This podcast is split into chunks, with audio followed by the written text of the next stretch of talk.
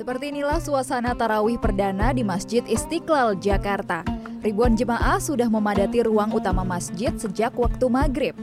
Masjid Istiqlal melaksanakan sholat tarawih 20 rakaat, ditambah sholat witir 3 rakaat.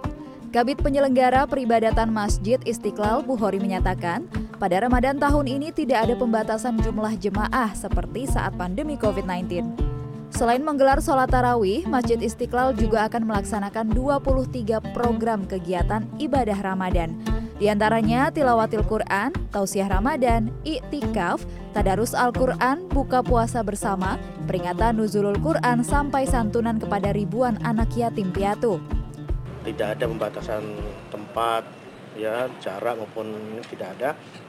Kemudian aturan-aturan misalnya memakai masker atau apa tidak ada tapi kesadaran masing-masing untuk menjaga kesehatan masing-masing silahkan yang masih mau pakai silahkan tidak ada apa-apa Selain di Masjid Istiqlal, sejumlah umat Islam juga mulai berdatangan ke Masjid Agung Al-Azhar Kebayoran Baru, Jakarta Selatan untuk melaksanakan sholat tarawih perdana di bulan suci Ramadan.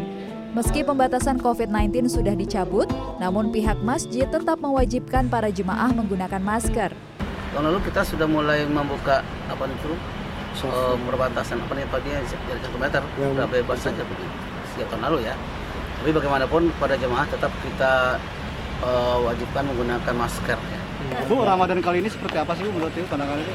Ya, udah lepas dari pandemi sih ya. Alhamdulillah udah bisa rame. Masjid Agung Al-Azhar menampung kapasitas jemaah sekitar 1.500 hingga 2.000 orang. Tim Liputan CNN Indonesia.